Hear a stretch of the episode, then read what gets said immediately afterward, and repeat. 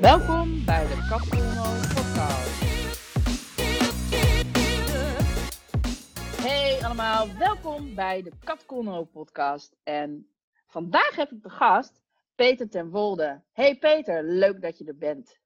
Hey Kat, ja, leuk dat ik er ben. Leuk dat ik in je podcast mag. En hallo ook voor alle luisteraars.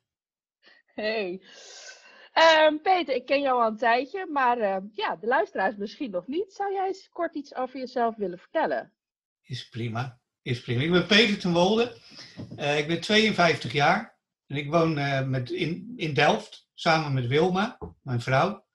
Ehm, en dat, ehm, ja, dat is allemaal heel erg prettig en dat gaat allemaal heel erg goed. Een hele fijne relatie.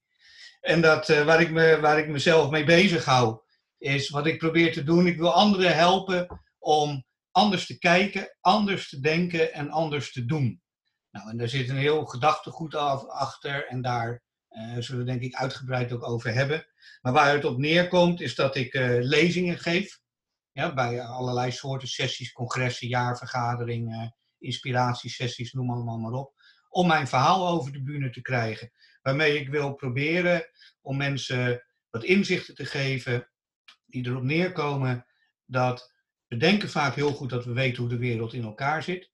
Maar als je iets verder kijkt, blijkt ook dat de wereld op heel veel vlakken er heel anders uitziet dan we vaak denken.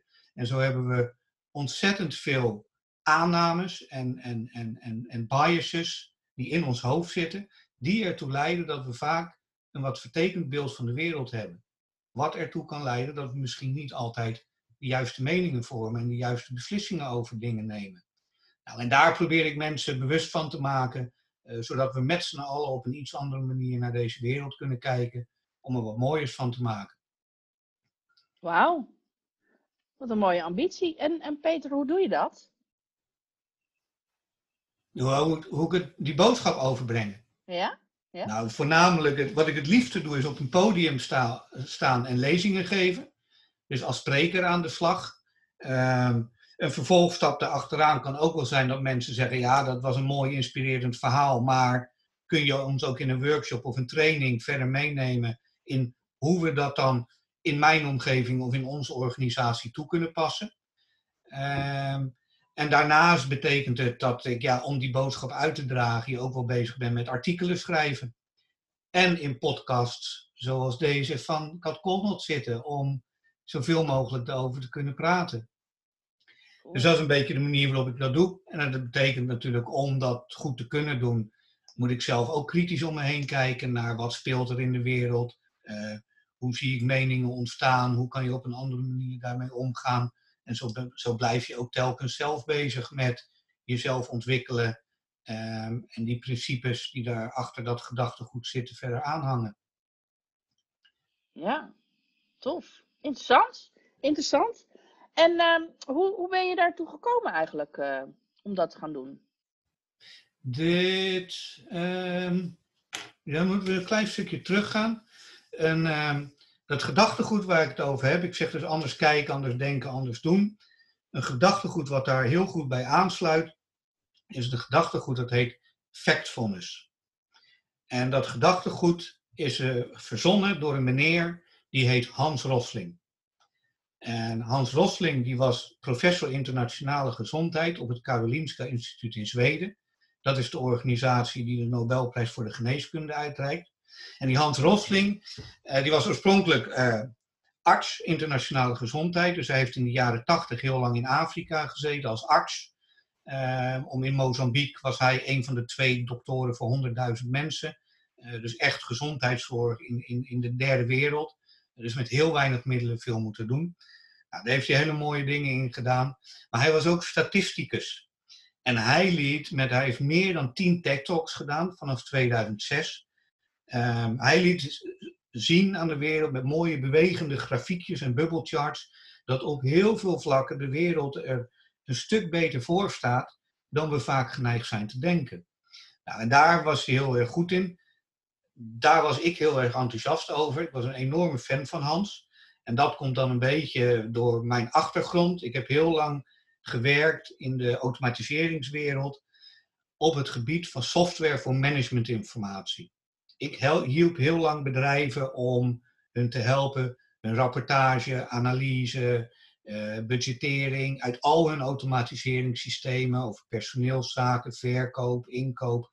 Nou, noem, alles maar wat, noem alles maar op wat er moet gebeuren om een bedrijf te runnen. Daar hielpen wij dan bedrijven mee om betere informatie naar voren te toveren. Dus met grafieken, lijndiagrammen, taartdiagrammen, noem maar, maar op. Dashboards, eh, dat soort zaken. Dus vanuit die achtergrond vond ik dat verhaal van Hans vond ik prachtig.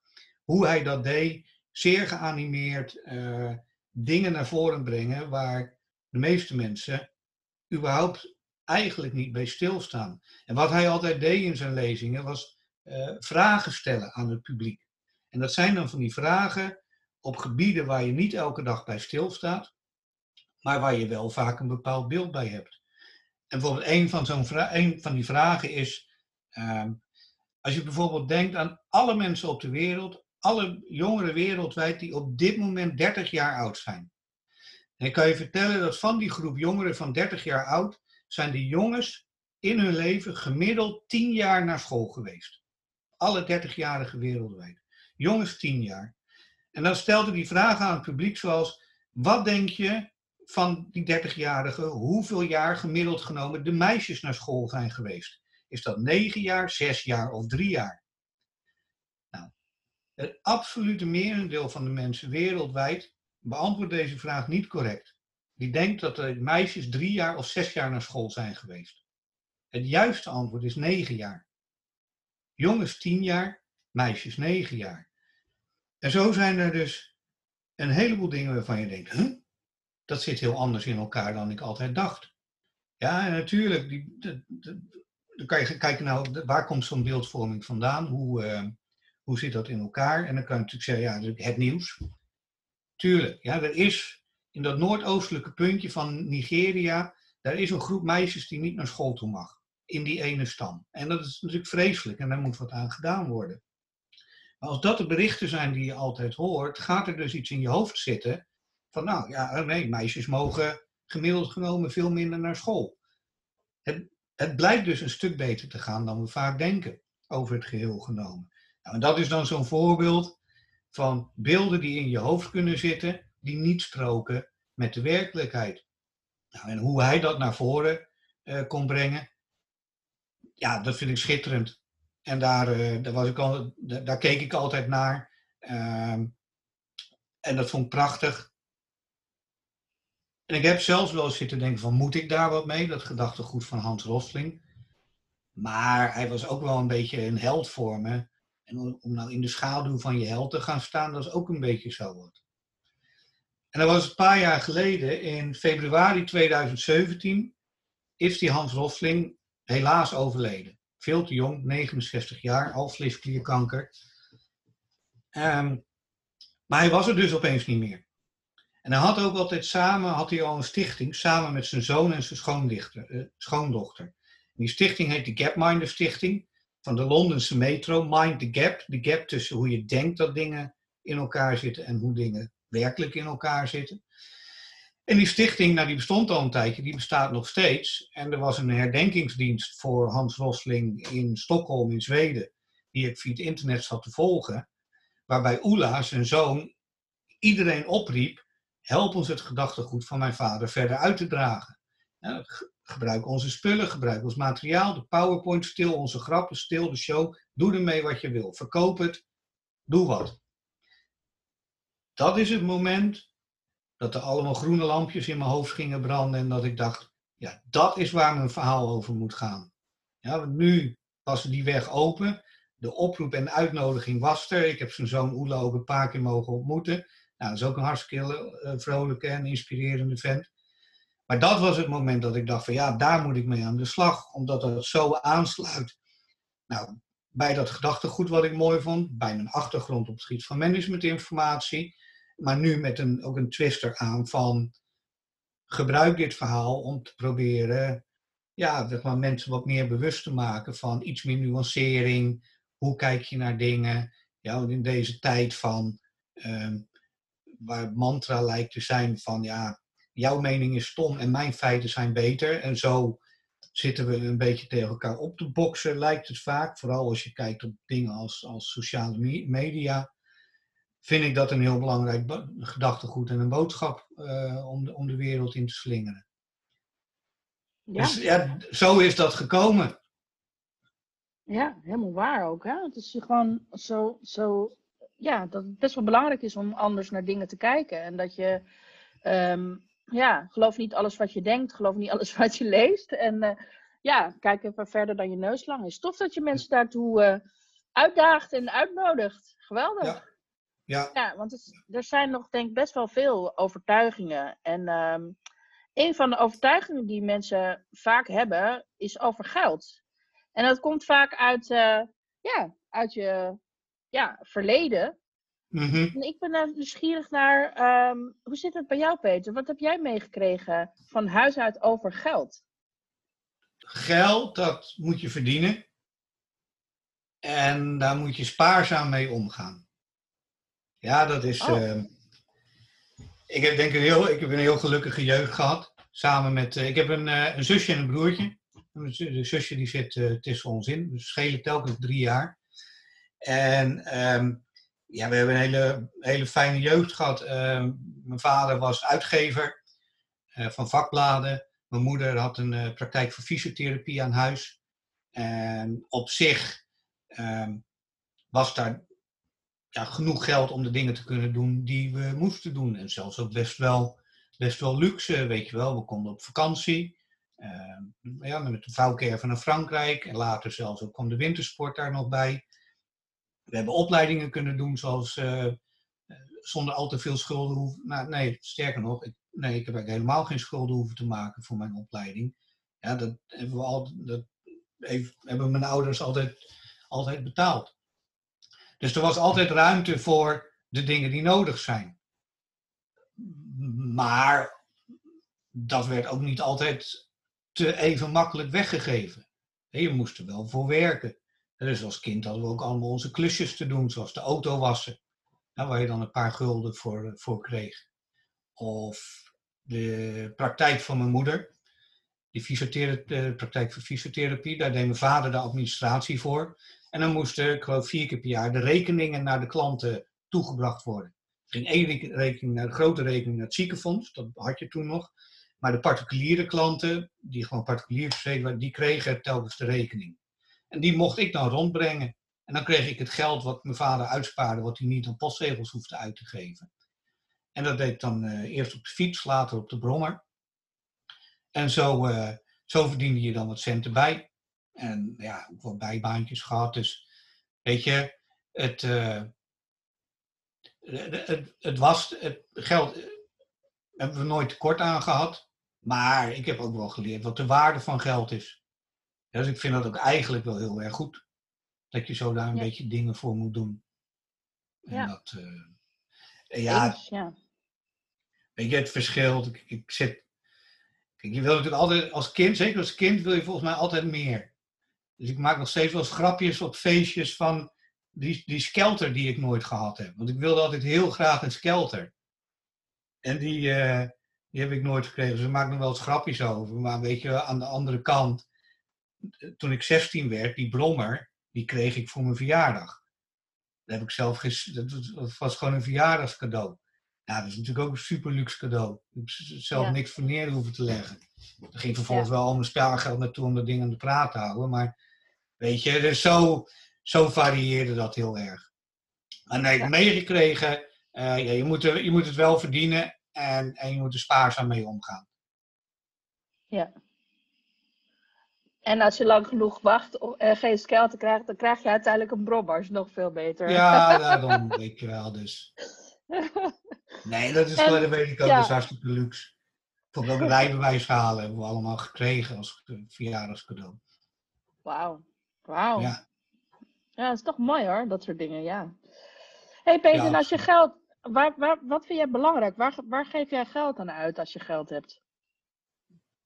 Voornamelijk mijn levensonderhoud. Dus de hypotheek en de boodschappen. Uh, daarnaast uh, spullen om een business mogelijk te maken. Ja, dus bijvoorbeeld nou, spreken, sta je vaak in zaaltjes een verhaal te doen. Ehm, dus ik heb een keer een projector, een beamer gekocht. Niet dat ik die heel vaak nodig heb, want meestal is die er wel. Maar weet je wel, ik heb al wel een paar keer gehad dat, dat ze, oh, we kunnen geen projector regelen. Nou, dan neem ik die van mij wel mee. Hetzelfde voor opnameapparatuur. Ik neem heel, als het enigszins kan, wil ik mijn lezingen ook op kunnen nemen. En dat kan tegenwoordig kan het heel makkelijk met, gewoon met je smartphone. Want die maakt natuurlijk super goede filmpjes. Alleen als dat ver weg staat achter in de zaal, is het geluid wat binnenkomt niet goed. Nou, en als spreker, ja, non-verbale communicatie is belangrijk, maar toch wat je te vertellen hebt, de woorden zijn ook belangrijk. Ja, dus zo'n DAS-speld met een draadloze kastje om dat op te nemen, dat heb ik een keer gekocht. En dan kijk ik wel naar, dat moet ergens in een leuke aanbieding zijn. Ik ga daar niet de volle prijs voor betalen. Maar aan de andere kant zeg ik ook wel van dat soort dingen, als je het doet, moet je het goed doen. Dus het moet wel een beetje kwaliteit zijn. Dus dat bijvoorbeeld dat geluid van die opnameapparatuur, ja, moet dan echt supergoed zijn. Ja, anders het moet geen ding van een tientje zijn dat, dat na een week uit elkaar valt. Dus, dus veel, ja, dat noem ik eigenlijk de basisdingen. Nou, en verder af en toe uit eten of een keer op vakantie gaan. Ehm, dat, soort, dat soort dingen. En dan, uh, dan is het ongeveer op. ja, zo is het ook nog gewoon natuurlijk. Hey, en, als het, en als het op is, als je nog één tientje over hebt, wat, uh, wat doe je met je laatste tientje? Het allerlaatste tientje. Het allerlaatste, nou niet voor altijd, maar voor even. Dat je dat gevoel van, oh shit, uh, nog eentje. Ja, wat ga je dan doen? Ja, ik heb er wat over na zitten denken. Dus ik, ik heb natuurlijk een andere podcast van je ook gehoord. Dus ik voelde die vraag een beetje aankomen. Ik dacht eerst, ik had twee gedachten. De eerste gedachte was, nou, echt het allerlaatste tientje, met een idee van daarna is het gewoon over, ben je er niet meer of zoiets, uh, stort de wereld in. Dat ik eerst, mijn eerste gedachte was, nou, dan koop ik een fles wijn en dan drink ik die op samen met Wilma en dan hebben we nog één keer lol. En dan, uh, nou, laat het dan maar afgelopen zijn. Maar toen, ik zat er nog wat verder over na te denken. En toen dacht ik van, nou, ja, dat kan je dan wel doen. En dat, daar heb je dan misschien wat lol van. Nou, die kater heb je dus geen last meer van, want je bent er niet meer. Maar misschien zou het me wel veel meer voldoening geven om dat laatste tientje weg te geven aan iemand die het nodig heeft. Een zwerver of weet ik veel wie. Daar krijg je volgens mij een veel beter gevoel van, van het weggeven, dan, uh, dan het zelfstuk slaan. Ja. Aan de andere kant zat dan ook weer te denken van nou, misschien zou het dan dus zelfs zijn dat diegene die het nodig heeft, daar inderdaad wat mee kan. En dat hij dat zo tof vindt, dat hij jou vervolgens ook weer helpt. Want we zitten nog steeds in de situatie dat ik aan de afgrond stond, laatste tientje, dan was het klaar. En misschien zou dat dus weer een mechanisme kunnen zijn om toch weer overeind getrokken te worden. Dus dan moest ik wel heel eerlijk bekennen van mezelf. Oh, er zat dus misschien ook wel wat egoïst, een egoïstisch trekje aan het weggeven. Maar... Ik vind het ook mooi hoe je er een heel verhaal bij hebt. Dat je, uh, zo, ik heb niks gezegd over het einde der tijden. ik heb nee, maar dan lees ik zo'n vraag. En over dan gaan het eind van jouw leven. en dan lees ik zo'n vraag en dan, ja, dan gaan mijn gedachten aan de gang. Ja. En dan uh, denk ik, ja, dan, uh, ja, wat ga ik daarvan maken? Hoe kan je dingen lezen? Nou ja, dat is ook alweer zoiets. Weet je wel? Wat, wat zou je doen met je laatste tientje? Ja, daar kan iedereen, heeft daar een andere invulling bij. En, en dat laat dus ook weer zien, ik denk in zijn algemeen, de waarheid bestaat denk ik niet. De waarheid is afhankelijk van context en achtergrond en hoe je tegen dingen aankijkt. Uh, dat, dat, ja, goed, ik wel, maar dat slaat dan weer terug op mijn verhaal waarom ik dat zo belangrijk vind. Dus, ja. dus nee, zo leef je. Er is bijna niks volledig objectief. Nee. En zo, nou ja, dan ga ik dus aan de, aan de slag met zo'n vraag. Ja, en het is natuurlijk ook het is een momentopname. Het is hoe jij het op dat moment voelt of ziet of doet of denkt. En daarna is het weer, ja, als je het een week later vraagt, dan heb je weer voortschrijdend inzicht of weet ik veel wat. En dan doe je het misschien wel weer op een andere manier. Want wat gebeurt er als je een tientje op straat vindt? Dan ga ik zwaar Dat is een extraatje. Dan ga je zwaar eten. okay, Inderdaad, als extraatje. Ja. Ja, dat is zo grappig. Dus dat is het hele filantropische is dan weer weg. ja. Oké, ja, dat is wel grappig, ja. Want de erbij. zwervers kunnen alleen eh, op je rekenen als je desperaat bent. Ja. Ja, grappig. en ehm, wat, wat ehm, zou jij doen eh, als geld geen eh, enkele rol zou spelen? Als je gewoon oneindig veel geld had. Hoe zou je leven er dan uitzien? Zou het dan ja, anders zijn dan nu? Of ja, Het ligt er, eh, ligt, er, ligt er ook een beetje aan wat het. Wel, als, als geld geen rol zou spelen, kan ik zien. Je wel, in de zin van. Als er een soort, soort, soort basisinkomen of iets dergelijks zou zijn, weet je wel, dat je gewoon. De, de, minimale behoeften, dat die voorzien zijn. Dan zou ik zonder meer hetzelfde blijven doen als nu. Dus die verhalen op podia vertellen en proberen mensen te laten zien van jongens, zo kunnen dingen anders. Want ik geloof dat dat vind ik heel belangrijk. En dat, eh, daar, daar zit ik heel erg goed. Dus dat zou ik zonder meer blijven doen. Ehm, een andere invalshoek zou kunnen zijn, stel nou dat ik opeens heel veel geld zou hebben. Echt heel veel. Ik wil iets van de loterij winnen of weet ik veel wat. Dan, ehm, dan zou ik denk iets anders aanpakken. Dan zou ik denk veel meer gaan investeren met dat geld in duurzaamheid, circulaire economie. Misschien ook wel wat meer reizen maken dan ik nu doe. Eh, om, om wat meer van de wereld te zien, want daar komen we nu niet altijd aan toe. Ehm, maar dan, dan, dan zou het meer die kant op gaan. Dus bedrijven helpen of start-ups te helpen. Eh, die naar mijn idee dus wel met de juiste dingen bezig moeten zijn. Dus ook de wereld een beetje mo- mooier willen maken. Circulaire businessmodellen, nou, noem het allemaal maar op. Dan zou Mhm. het meer die kant op gaan. Cool. Ja. Ja, dus nee, want dat was inderdaad wel een beetje het uitgangspunt van de vraag. Van, nou, gewoon dat er oneindig geld is. Ook niet de loterij, want die, weet je, dat gaat op, hè?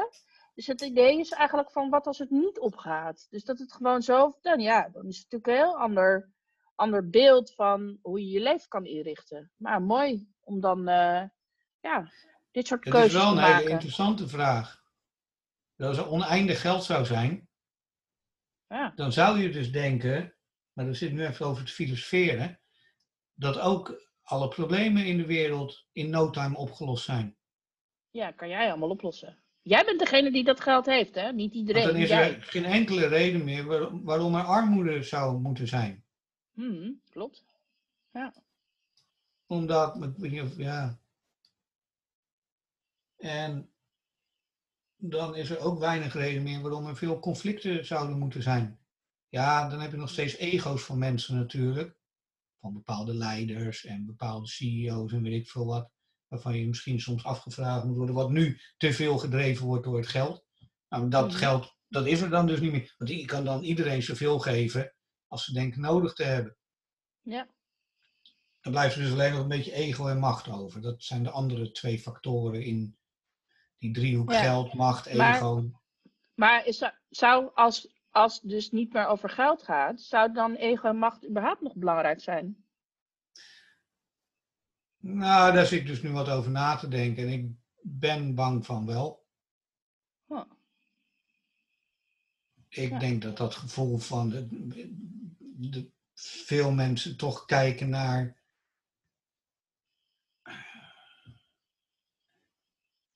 Veel- veel me- mensen hebben toch de neiging om te kijken naar wat doet de ander. En, en, en wat heeft die wat ik niet heb en dan wil ik dat ook graag. Ja, ja, ja. Ja, En het, het, ja, het, in veel mensen zit denk ik ook wel iets van, ik wil beter zijn dan de ander. En dat moet je dus de- toch ergens aan afmeten. ja, ja. En als het eh, niet aan geld kan, waar dan aan? Ja. Ja. Interessant. Ja, nee, wij kennen elkaar natuurlijk vanuit een omgeving waarbij geld een stuk minder relevant is. En, en weet je wel, lief zijn voor elkaar, om een heel raar woord te gebruiken. Maar dat is Perman en Bertha heel normaal. Ze Ja. moet, je moet lief zijn. Dat is ook Ja. belangrijk. Maar dat, dat, ja, weet je wel. Ik denk dat er heel, heel veel mensen zijn die toch ook anders in het leven staan. Ja, ja, ja. Ja, even over dat Beta, want dat is wel leuk om misschien even toe te lichten. Wat, eh, wat is dat precies? En waarom? Vooral die waarom-vraag is mooi. Eh permanent bed, omschrijf ik altijd als een, een, een zwerm, een community, een netwerk. We weten niet zo goed hoe we het moeten noemen. Ehm, maar is gericht op het uh, kennis delen tussen de vakgebieden uh, kunst, wetenschap en techniek. Puur kennis delen. Nou, dat zijn drie heel verschillende takken van sport: cultuur, wetenschap en techniek. En dat betekent dus ook dat dat mensen van allerlei verschillende achtergronden aantrekt, die echt heel, heel, heel anders van, van elkaar kunnen zijn. En dat betekent ook dat, je, dat dat per definitie open en leuke en aardige mensen aantrekt. Want de enige manier waarop dat goed kan gaan, is als je open staat voor ideeën van anderen en ideeën uit andere vakgebieden. En de doelstelling van Permanent Beta is om zoveel mogelijk kennis met elkaar te delen. Dus er worden heel vaak meetups georganiseerd, waarbij in principe iedereen op kan, staan en zeggen, ik geef altijd als voorbeeld, ehm, ik ben, ik ben helemaal lijk van driedimensionaal punneken. Daar moet ik over praten. En dan bel je Kim, de coördinator van Permanent Beta. Dan zeg je, Kim, ik moet praten over driedimensionaal punneken. Eh, driedimensionaal linksom punneken. En dan zeg je, nou, dat is een goed idee. Dan zeg je, weet je wat, dan gaan we ruimte regelen. En dan zeggen we op Meetup, volgende week donderdag spreekt Peter de Wolde over driedimensionaal linksom punneken. En dat is gratis. En dan kan ik mijn verhaal kwijt en dan zie je wel hoeveel mensen opkomen dagen. En dan is dat maar één iemand of twee iemand, dan is het al geslaagd. Want het heeft niks gekost om het te organiseren. En je hebt op die manier wel die kennis kunnen delen. Nou, zo zijn er in Nederland, ik geloof op dit moment zo'n 5000 leden in de Permanent Beta groep. Uh, die regelmatig dat soort meetups doen. En dan af en toe is er een Permanent Beta dag. Waarin we een, een middag en een avond lang in, ik wil met drie, vier tracks tegelijk eh, vijf of tien verschillende mensen achter elkaar zetten. Dus dat er zo'n veertig verhalen op een dag verteld worden. Ja, en dat, uh, dat is het idee achter Permanent Beta. Ja, en daar kennen we elkaar van. Hè? Klopt, klopt, ja. klopt. Superleuk, ja. En Permanent Beta, de betekenis van het woord, uh, betekent nooit af. Klopt. zijn nooit af. Altijd is alles in, op het moment dat de inkt van het plan droog is, is het plan alweer achterhaald. En dus is het idee dat je gewoon geld en papier um, los, los moet laten en uh, ja, veel meer uh, ja, met je netwerk en interactief uh, aan de slag moet gaan met ideeën. En de kracht van de, van de zwerm mensen met verschillende achtergronden en ideeën, ja. daarmee kan je zoveel meer bereiken. Dat is een beetje Klopt ja, hoe je nee, dus dingen voor nee, elkaar dus ook inderdaad allemaal, allemaal mensen aan met andere ideeën. Nou ja, ja, dat sluit natuurlijk dan wel helemaal bij aan waarbij ik me graag mee bezig hou. Ja, ja. Nee, het is een hele, hele toffe club. Ja, geweldig. hey, weet, en uh, ja, ik noem deze interviews, wat maakt jou rijk interviews? Dus die vraag die kan niet ontbreken. Wat maakt jou rijk? Hmm. uh, nou, bijvoorbeeld dat ik, heel belangrijk, dat ik de vrijheid heb om de dingen te doen die ik wil doen. En dat ik bijvoorbeeld dus op het spoor kan komen van als clubjes zoals Permanent Beta. En waar je dan actief mee aan de slag kan gaan. En, en, ook ziet van de energie die je daarin steekt. Ja, weet je, dus de Permanent Beta is van niemand en, en van iedereen. Um, en een, een, van de dingen is, het, het draait op de input die de mensen leveren. Nou, dat ik de vrijheid en de ruimte heb om daarmee aan de slag te kunnen gaan. En dat soort initiatieven te ontdekken en te kijken wat daar gebeurt en daar wel of niet wat mee te doen.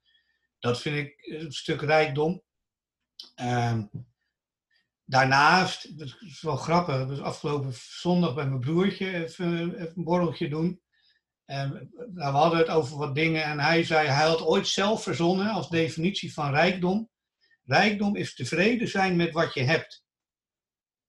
En die vond ik wel heel erg mooi. En hij had die ooit zelf verzonnen. Ik heb hem even zitten checken op het internet. Hij was niet de, de echte eerste. Er was ooit een meneer Cicero, dat was een Romeins staatsman en schrijver, 100 voor Christus. Die heeft zo'nzelfde quote. Dus hij was niet de allereerste. En het, het klinkt misschien als zo'n tegeltjeswijsheid. Rijkdom is tevreden zijn met wat je hebt. Maar ik vond hem, ik vond hem wel heel mooi. En dan zit te denken als, als tevreden zijn met wat je hebt in de zin van... Uh, ik heb mijn gezondheid.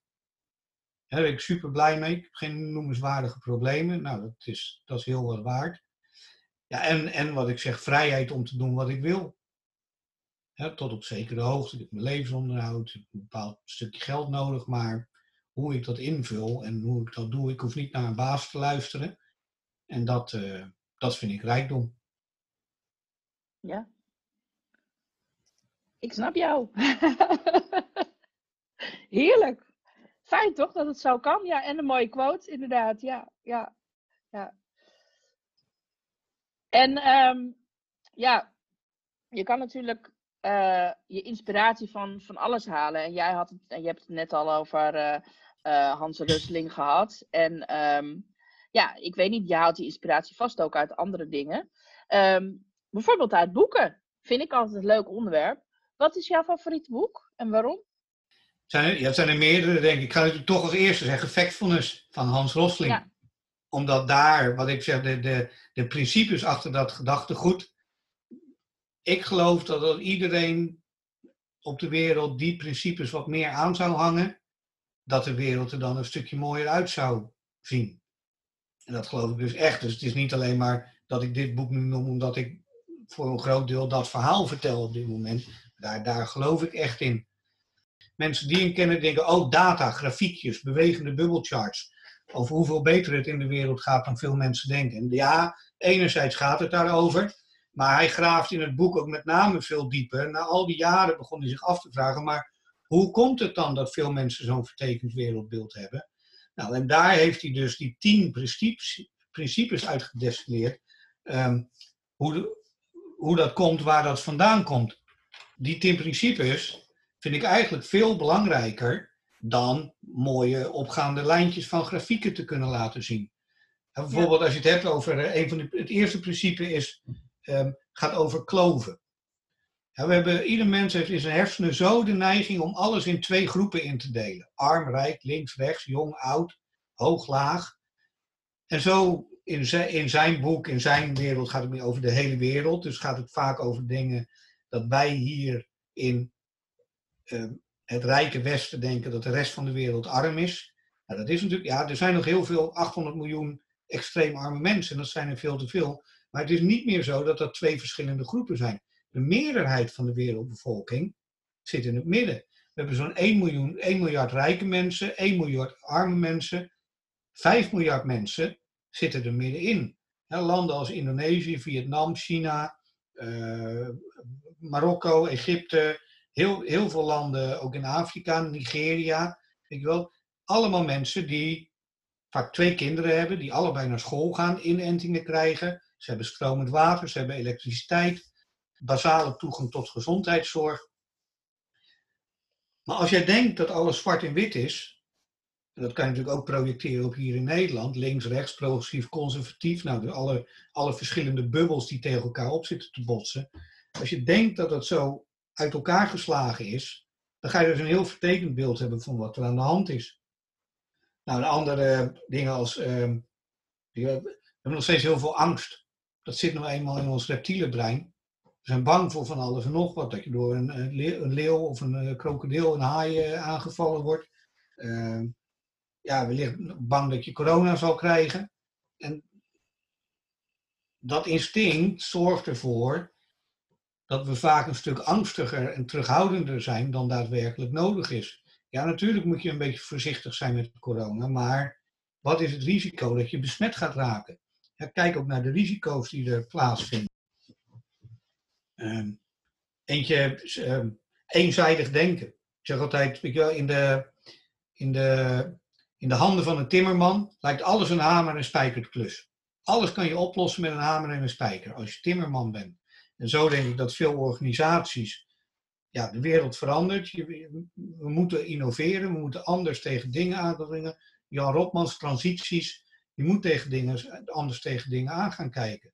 Maar als je dus met je oogkleppen op blijft zitten in van hé, hey, ik kan, kan alles met een hamer en een spijker oplossen, dan ga je dus niet die transitie kunnen maken naar een heel ander businessmodel, een andere denkwijze. Dus het principe is, gebruik meerdere oplossingen. Kijk bij de buren, uh, kijk naar andere kennisgebieden, stel jezelf open um, voor een, een andere manier van naar dingen kijken.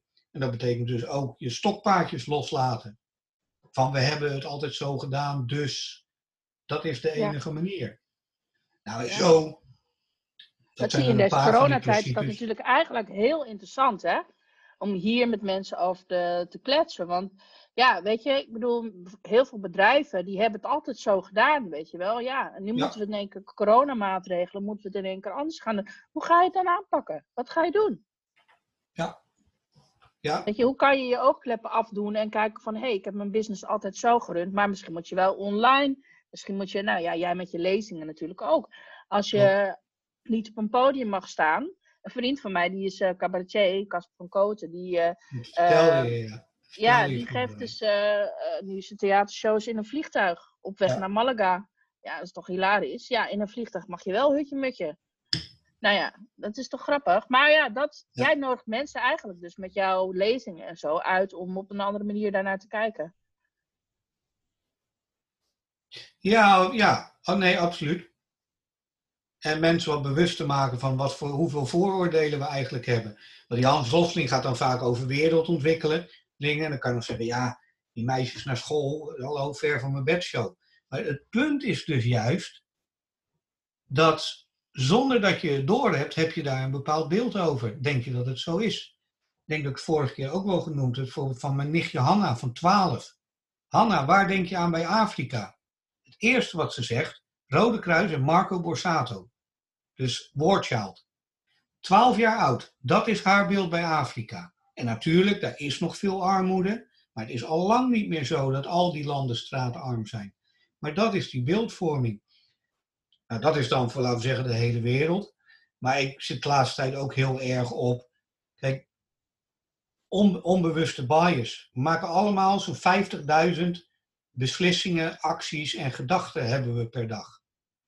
En gelukkig is het overgrote merendeel, 95% daarvan is onbewust. En dat is super handig, want dan hoef je niet na te denken over fietsen. Hoe werkte dat ook alweer? Of weet je wel, eh, ook, ook dingen als van ik heb nu dorst, dus ik pak een glas en neem een slokje water. Dat, die tellen allemaal op tot die 50.000 beslissingen per dag. Maar als het dan dus zo is dat ook in je dagelijkse werk, hoe je die formulieren, of wat voor werk je ook doet, eh, eigenlijk maakt niet wat voor werk je ook doet, als je dat op routine doet, op basis van die onbewuste vooroordelen, omdat je het altijd zo gedaan hebt en daar ben je je niet meer bewust van dat dat allemaal zo op routine gaat en als je jezelf nooit de vraag stelt van, nou, is dat nog wel optimaal? Of ja, dan kan het ertoe gaan leiden dat hoe je dingen uitvoert, de mindset die ontstaat en de meningen die je ontwikkelt, die zijn natuurlijk voor een belangrijk deel op al dat soort prikkels en instincten en dingen gebaseerd. Nou, wat nou als dus die prikkels en gedachten en ervaringen niet meer kloppen? Als je denkt dat drie meisjes drie jaar naar school gaan en het is negen.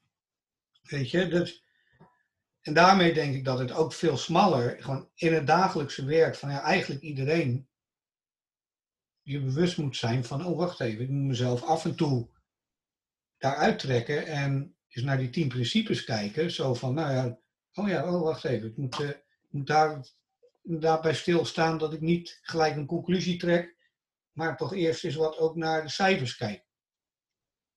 Ja, ja, het is wel grappig. Ik moet denken aan een, aan een moment wat ik de afgelopen weekend had. Ik liep eh, bij een avondwandelingetje maken om 12 uur s'avonds of zo. Ik woon hier aan het IJ. En dat is echt heel mooi hier. Eh, het, is heel, ja, het is een mooi park. En ik woon dus bij het AI Filmmuseum. En ik zag daar onder het AI Filmmuseum een vuur. En er was zo- zo'n flikkerend ding zo, dat leek net zo'n vuur. En ik denk, ik zag er allemaal mensen omheen. En ik denk, waarom zijn die daar vuur aan het stoken? Wat is dat voor iets asociaals? En dus de, de, de moreel, eh, moraalridder die in mij zit, die was daar zich aan aan het ergeren. Vanaf een afstandje zo van, dat doe je toch niet? En onder het filmmuseum, en wat kan er wel niet gebeuren? En weet ik wat allemaal niet. Ja, Mijn hele hoofd ging een soort van, nou ja, daar een heel verhaal bij maken. En toen dacht ik, weet je wat ik doe? Ik loop er even heen. Om te kijken, nou, wat zijn de feiten? En ik loop erheen. Mhm. En wat is er gaande? Ehm er is een eh, groep jongeren, eh, skaters en hip-hop dansers en van alles. Er is muziek. En er is een groot oranje licht, wat eh, tegen het plafond van het AI-museum eh, schijnt. En Ja. omdat die mensen daar aan het dansen zijn, ze zijn een soort, ze doen allemaal een soort van, ze zijn elkaar aan het aanmoedigen.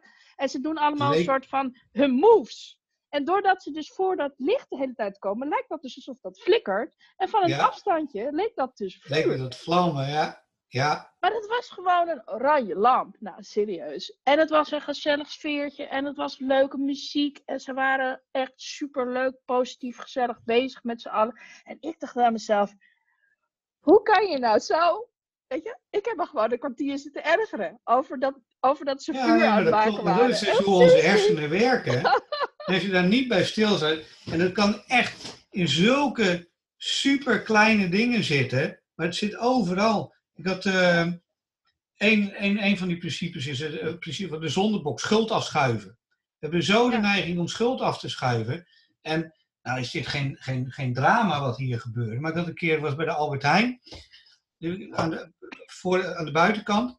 En daar, daar kwam een mevrouw aanrijden met zo'n hele moderne fiets. En die moderne fietsen hebben tegenwoordig hele, van die hele brede, dikke banden.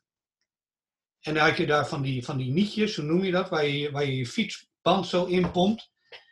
En dat paste niet. En wat zij zegt, zij, zij zegt half hardop mompelend, hm, dat nietje is niet breed genoeg. Denk, ja, wacht even.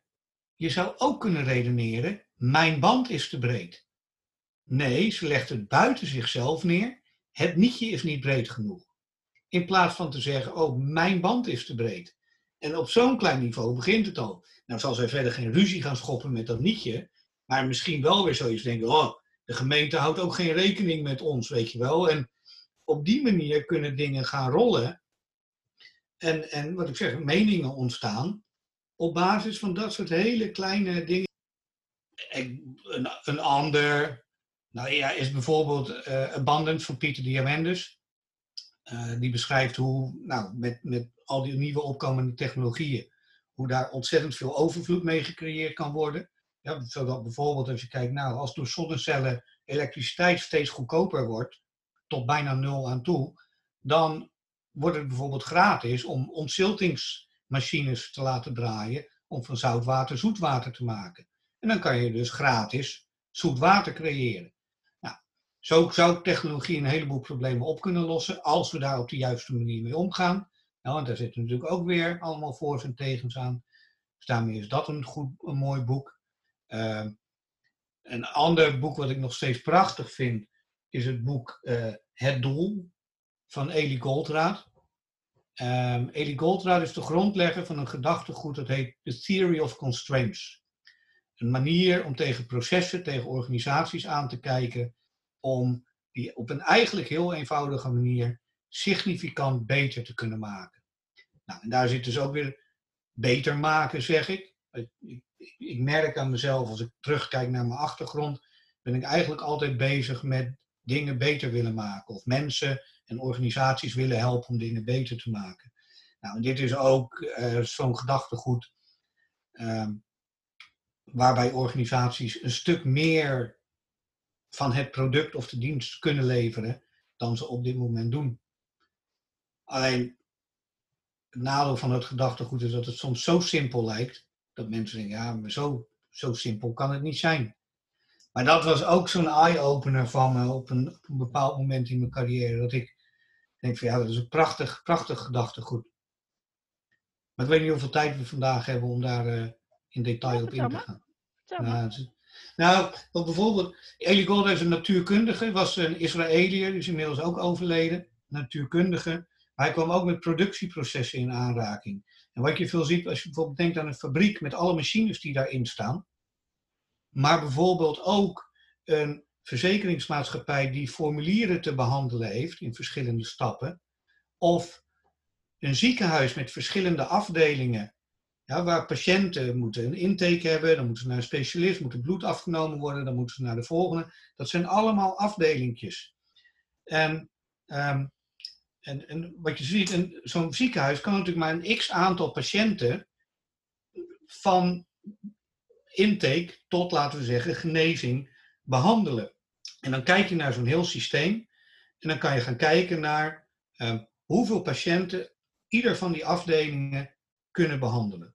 En wat je dan ziet in zo'n systeem, er is maar één afdeling of er is maar één machine die de bottleneck bepaalt, die de bottleneck is. Er is ergens in dat systeem, in die flow, is er een afdeling, die kan, de ene afdeling kan zeg maar 10 patiënten per dag behandelen, de ander 15, de ander 5. Die laagste, die maar 5 patiënten kan behandelen, die is leidend in het systeem. Die bepaalt hoeveel patiënten je maximaal per dag kan bepalen. En wat hij dus zegt, en wat je eigenlijk moet doen, is moet je gaan onderzoeken, oké, die afdeling die maar vijf patiënten per dag kan behandelen, dat is de belangrijkste afdeling in het ziekenhuis. Je moet alles eraan doen dat die inderdaad die productie van vijf per dag kunnen draaien. En als je al wil gaan uitbreiden, moet je dus in eerste instantie die afdeling uit, uit, uit gaan breiden. Nou, dat klinkt super logisch. Maar wat er gebeurt, als je kijkt naar veel organisaties en processen, is dat bijna iedereen uitsluitend bezig is met het kijken naar alle verschillende afdelingjes. En iedere afdeling individueel probeert zichzelf zo efficiënt mogelijk te maken. Door kosten te besparen, hun eigen wachtrijen te hanteren, ehm, vooral te sturen op hoe zij zo efficiënt mogelijk zoveel mogelijk patiënten door hun afdeling kunnen werken. En daar is natuurlijk alles op ingericht, de meetwaarde, de financiering. Maar uiteindelijk voor het systeem als totaal, het hele ziekenhuis, bereik je niet het optimale resultaat. Want als die ene aflevering, afleverende afdeling tegen de bottleneck afdeling met vijf zegt van ja, nee sorry, mijn patiënten moeten eerst nog ergens anders zijn. Je krijgt morgen pas twee nieuwe patiënten. Dan gaat die afdeling van, van vijf, de bottleneck, gaat die, die vijf patiënten dus niet kunnen halen. Nou, zo zie je in, in heel veel bedrijven wordt geoptimaliseerd voor uh, lokale afdelingen en wordt niet gekeken naar het systeem als totaal. Ja. Nou, dat, dat, dat beschrijft Elie Goldraad en dat is heel breed toepasbaar. En dat vind ik ook zo'n prachtig ding. Dus zijn boeken, ja. en hij heeft, ik noem nu het doel, de goal, maar hij heeft er vele geschreven. Ja, dat, dat uh, heerlijk. Wat een goede tip. Ik moet ook zo heel erg aan een file denken. Is dat? Ja. Ja. Ik, de, ik kan me nog de weg naar Berlijn herinneren. En dat je dan dus, de hele route kan je supersnel doorrijden. Het gaat allemaal smooth. Je hebt weet ik veel hoeveel banen en allemaal top. En dan moet je langs Bad Bentheim of weet ik veel, zoiets. En daar is in één keer maar twee, twee stroken.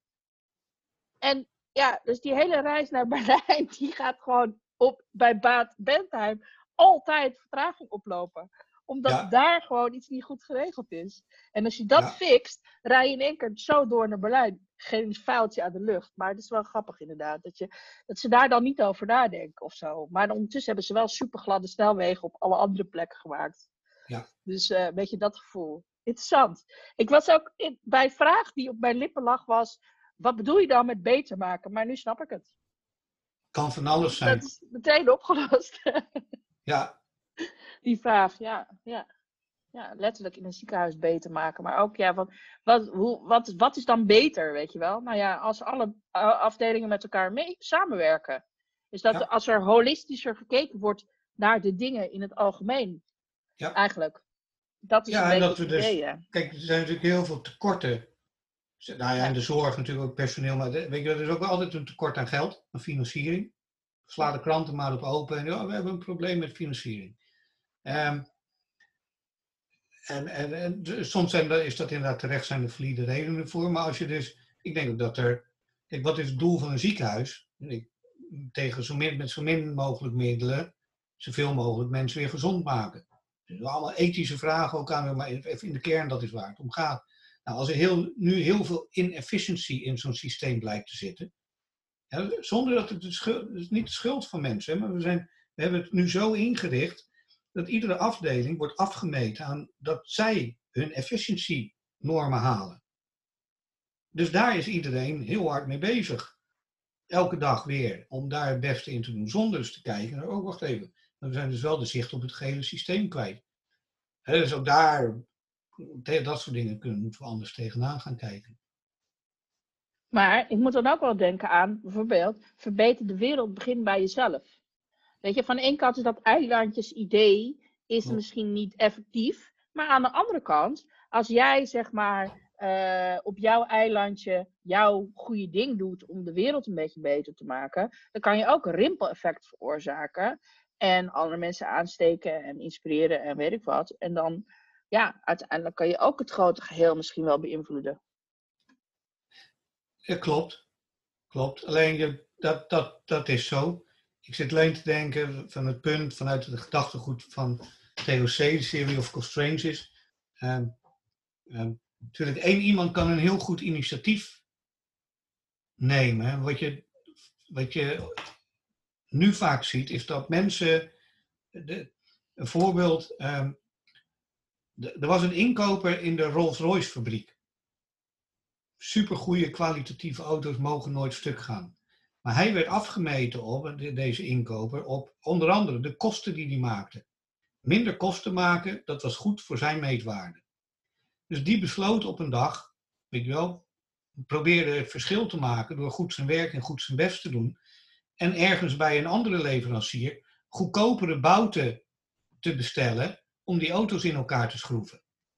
Alleen ja, die, bout, die schroeven waren wel goedkoper. Ze bleken alleen ook eerder stuk te gaan. Dus al die Rolls Royces, die kwamen binnen de kortste keren terug naar de fabriek of naar de garage. Van dat ding doet het niet. Dus het hogere doel van wij willen kwalitatieve auto's maken die nooit stuk gaan, werd door een ontzettend goed bedoeld initiatief van zo'n inkoper ondermijnd.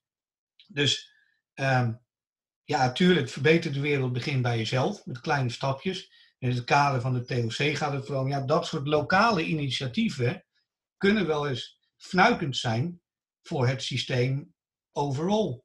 En slechtere auto's afleveren dan je graag wil. Maar natuurlijk, ja, verbeter de wereld begint bij jezelf. Weet je wel, kleine, alle kleine beetjes helpen. Dus als we het hebben over dingen als hoe je met het milieu omgaat en dat soort zaken. Je kunt ervoor kiezen om. Nou, ik, heb, ik heb er heel erg aan moeten wennen. Maar sinds een paar weken, want we hebben al heel lang van die uh, groentezakjes in huis. Dat je in de supermarkt niet iedere keer uh, plastic zakjes hoeft te pakken om je tomaten en je dingen in te doen. Maar dat je gewoon van die herbruikbare zakjes hebt. Het heeft heel lang geduurd om, om, om me aan te wennen om die dingen ook te gebruiken. Maar dat doe ik nu sinds een paar weken. Ja, dat is natuurlijk wel iets van, ja, een klein stapje begin bij jezelf. Als we dat allemaal zouden doen, dan uh, zou dat dus een heleboel plastic zakjes schelen. Ja, ik heb ze ook hoor. Ik heb ze altijd bij me. Ik heb ook altijd een tas bij me. Ja, ik had ze ook altijd bij me. zelf mijn dingen mee te nemen. Ik gebruikte ze nooit. tasjes. Ja. ja, oh ja, dan, dan nog ja. ja, dat, ja. Nou ja, ik ga ook vaak trouwens naar de biologische winkel, daar hebben ze papieren zakjes. Dat is ook alweer verschil. Maar uh, ja, nee, maar goed, ja, ik was gewoon even getriggerd door die opmerking van, uh, ja, weet je, als het kleine, als het kleine uh, juist de bottleneck is, om het zo maar te zeggen. Maar goed, um, ja, Peet, ik ben ook nog heel nieuwsgierig naar um, jouw voorbeeld. Dat heb je eigenlijk al een beetje genoemd, Hans Rusling. Maar misschien heb jij nog wel andere mensen die jouw grote voorbeeld zijn. Vertel. Ik had er in, vier in totaal.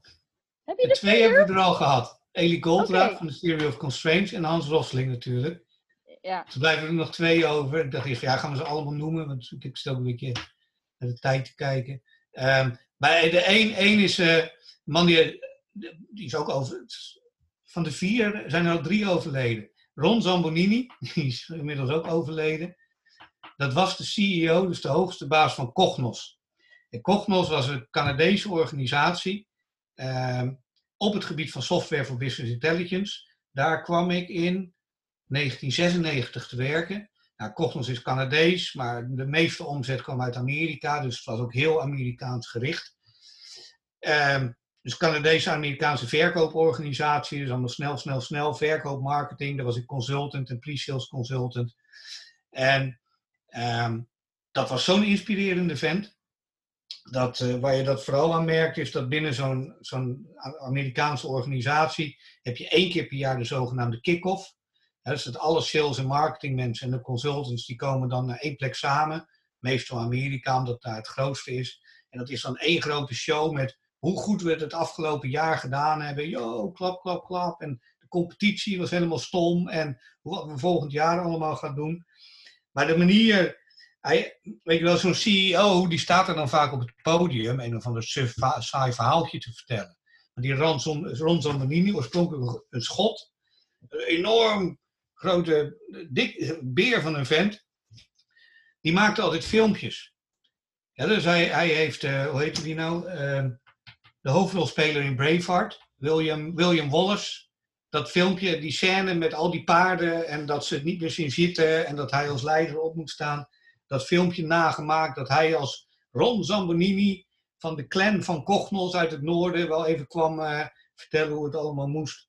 Uh, hij heeft uh, Zorro gespeeld in filmpjes en dat was altijd zijn opkomst toen hij op het podium stond. En ja, dat ik zeg, dat kan zo inspirerend zijn dat je, ik heb helemaal niks met die vent te maken, maar alleen daarom al hoe hij is, hoe hij zijn verhaal vertelt, wil je daarvoor werken. En ben je, naast dat het gewoon leuk werk was en alles, maar het draagt bij aan dat je graag voor Cognos je best wil doen en, en dat je plezier in je werk hebt. Om, ja, dat je merkt dat je als soort familie bezig bent. En dan heb je het over een bedrijf van 1200 mensen in totaal. Op dat moment. Dus dat, uh, die, vond ik, die was altijd super inspirerend. En nou, de vierde? die, uh, Elon Musk omdat ik, uh, ja, zo zeg mijn grootste voorbeeld is niet mijn, ik, mijn, mijn inspiratie om hetzelfde te doen als wat hij doet. Maar ik vind Elon Musk wel heel bijzonder, omdat hij gewoon heel stug, ik ben bezig de wereld te verbeteren. Als iemand me zegt van dat kan niet, dan geloof ik dat niet, ik ga het gewoon doen. En hij is het dus gewoon aan het doen. Ja, met, met, met, nou ja, met, met name op het gebied van nou, energie natuurlijk wat hij met Tesla probeert te doen, maar ook met zijn solar panels en, en alles in die hoek. Ehm, ik geloof absoluut dat hij de intentie heeft om, om de wereld beter te maken. Ehm, met zijn reizen naar Mars en, en, en noem maar op. En gewoon de manier waarop zo iemand denkt en hmm. hoe gedreven die is om dat werkelijkheid te maken. Ja, dat vind ik gewoon wel heel bijzonder. The sky is not the limit. Nee, precies. je dat idee? ja. ja, kan niet, kan toch. Ja, ja mooi. Mooi, mooie inspiratie. Hey Peter, en um, ja, wat is, uh, wat is jouw, wat zie jij zelf als jouw grootste levensles of inzicht? Er is, uh, in eerste instantie met levensles denk ik, weet je wel, nou, zo'n moment op je leven dat alles verandert. Nou, dat is er misschien niet echt. Maar ik heb in de loop der tijd wel geleerd dat, dat uh, nieuwsgierig zijn en vragen stellen. En, en vervolgens, als je denkt van hé, hey, daar zit iets, vervolgens ook actie op ondernemen. Dat is echt super belangrijk. Um, bijvoorbeeld, nou, als je kijkt naar, naar hoe ik bij Permanent Beta terechtgekomen was, als ik niet nieuwsgierig was geweest, als ik niet op dat ene linkje had geklikt van, hé, dat lijkt interessant, wat zou dat zijn? En je dan vervolgens een beetje daarop door gaat kijken, was ik daar nooit bij Permanent Beta terechtgekomen. En als ik dan zo terugkijk op mijn carrière, op mijn leven, zijn er heel veel dingen zijn ontstaan door dat stukje nieuwsgierigheid. Dus ik denk, ja, als je niet nieuwsgierig bent, als je geen vragen stelt, ja, dan gebeurt er ook eigenlijk niks. En die vind ik wel heel belangrijk. En daarnaast, als je dan misschien toch over, weet je wel, zo'n levensles inzicht hebt, dat, uh, nou, heeft natuurlijk wel ook met mij te maken, maar ik wil zeggen, het is niet mij gebeurd. Maar Wilma heeft 2,5 jaar geleden een herseninfarct gehad. En dat was uh, eigenlijk veel te, veel te vroeg, daar was ze veel te jong voor. En ze leeft gezond en uh, uh, beweegt genoeg en we drinken niet al te veel en we eten redelijk gezond. Dus eigenlijk kon dat helemaal niet. Maar ja, het was wel een echt herseninfarct. Bloedklopje vast en een paar dagen in het ziekenhuis.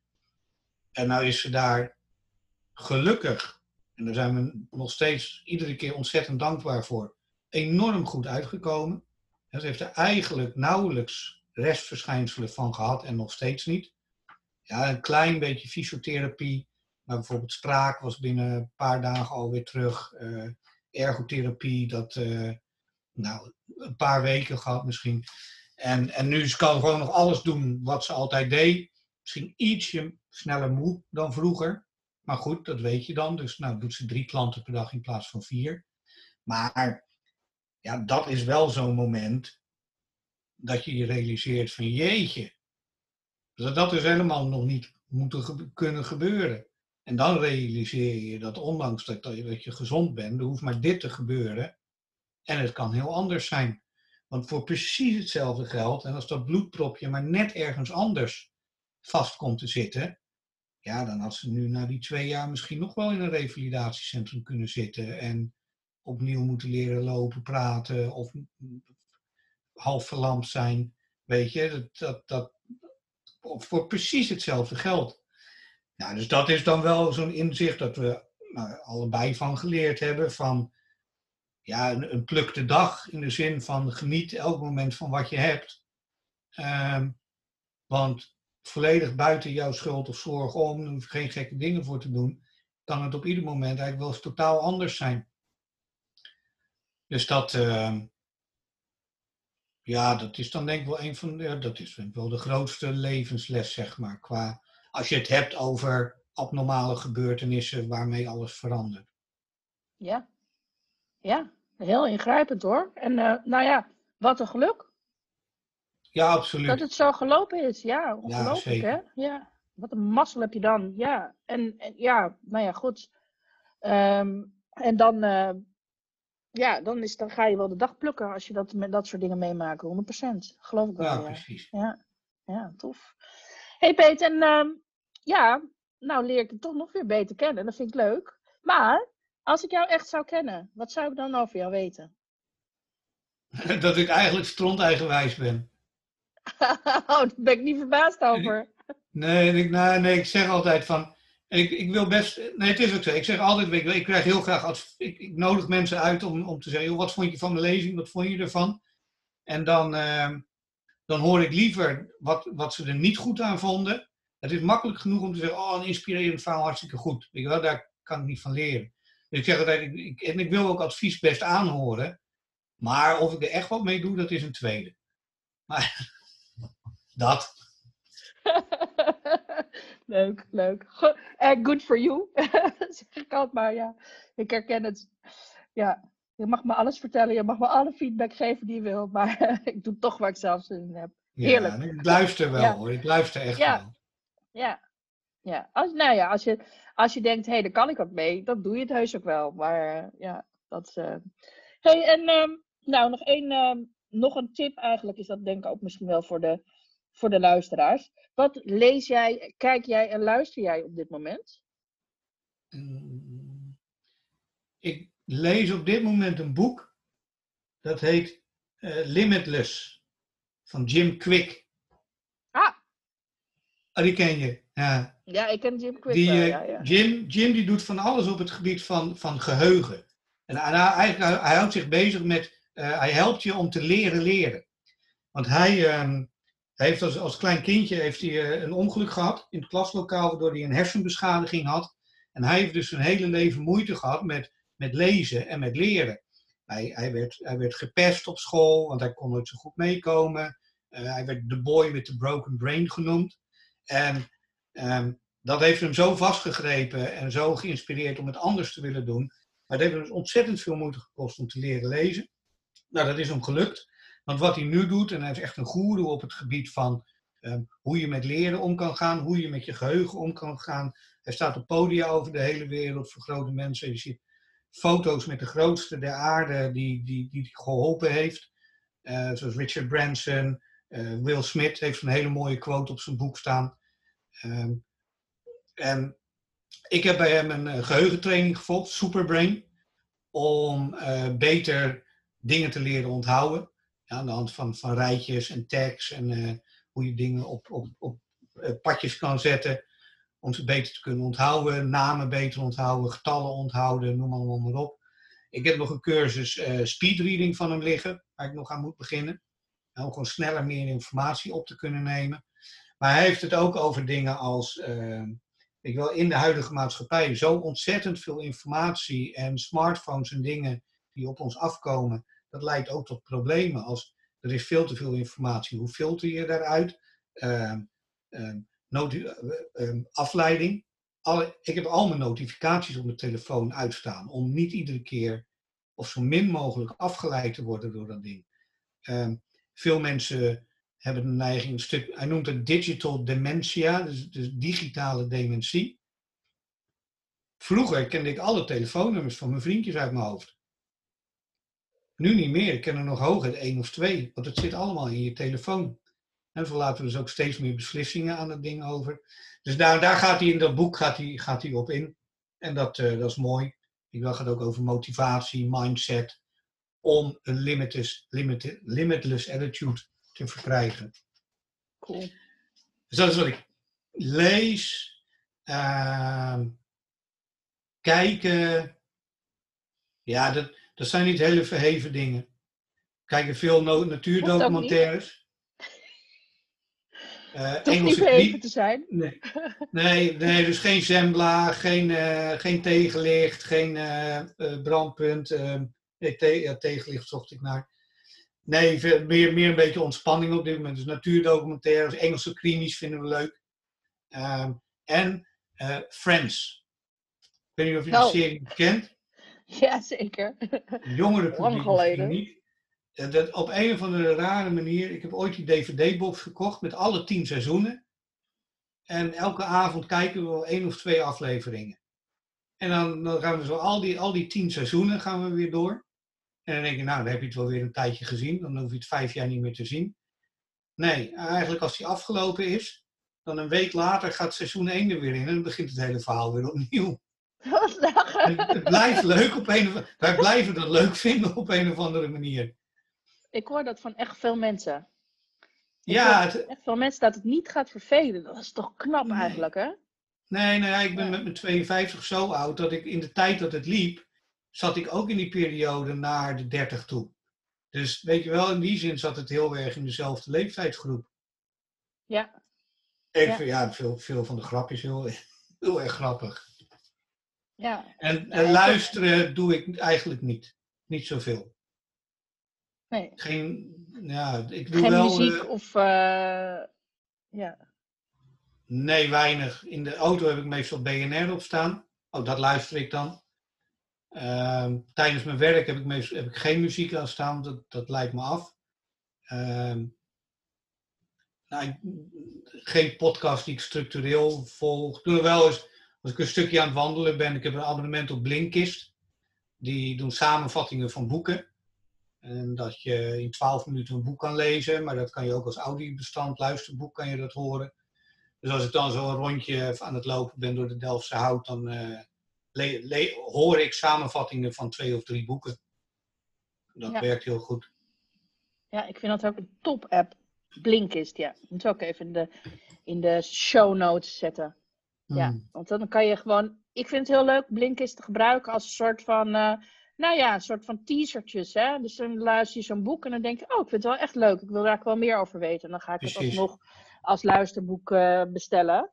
Want ik, ik, lees eigenlijk niet. Ik hou niet van lezen. Ik hou heel erg van luisteren. Dus ik luister al mijn boeken. Hm. En als ik het echt een tof boek vind dan, en ik wil er aantekeningen in maken en ik wil, wil met gele pen er zo gaan ingaan, dan koop ik het.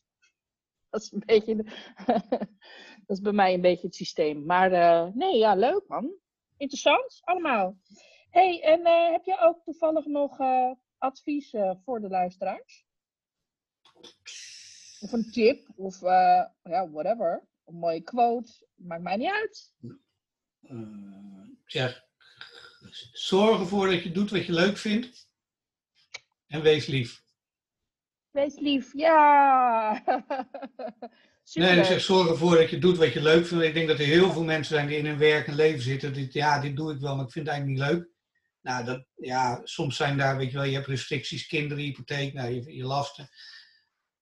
Maar het is zo belangrijk dat je gewoon, gemiddeld genomen, gewoon, dat het gewoon leuk is wat je doet. De mogelijk, mogelijkheden zijn er. Um, ja, en wees lief. Als we allemaal een beetje lief voor elkaar zijn, dan, uh, lost volgens mij ook heel veel problemen op. Dus vandaar. Ja, eens, eens.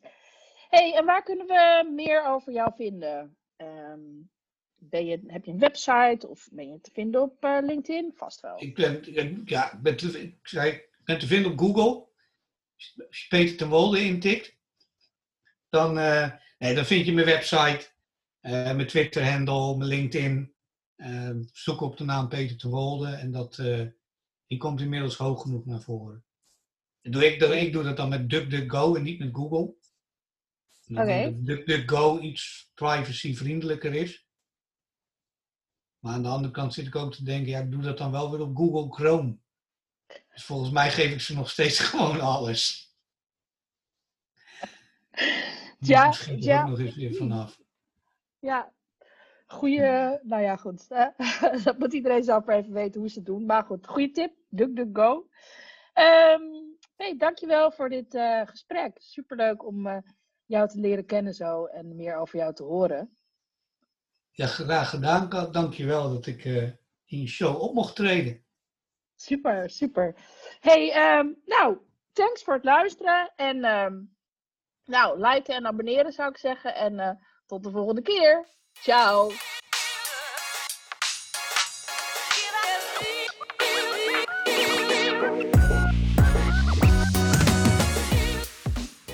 Dankjewel voor het luisteren naar deze podcast. Mocht je willen connecten of meer informatie willen hebben, dan kan je me vinden op LinkedIn en op Instagram, katkolno, twee aan het eind. Tot de volgende keer. Ciao.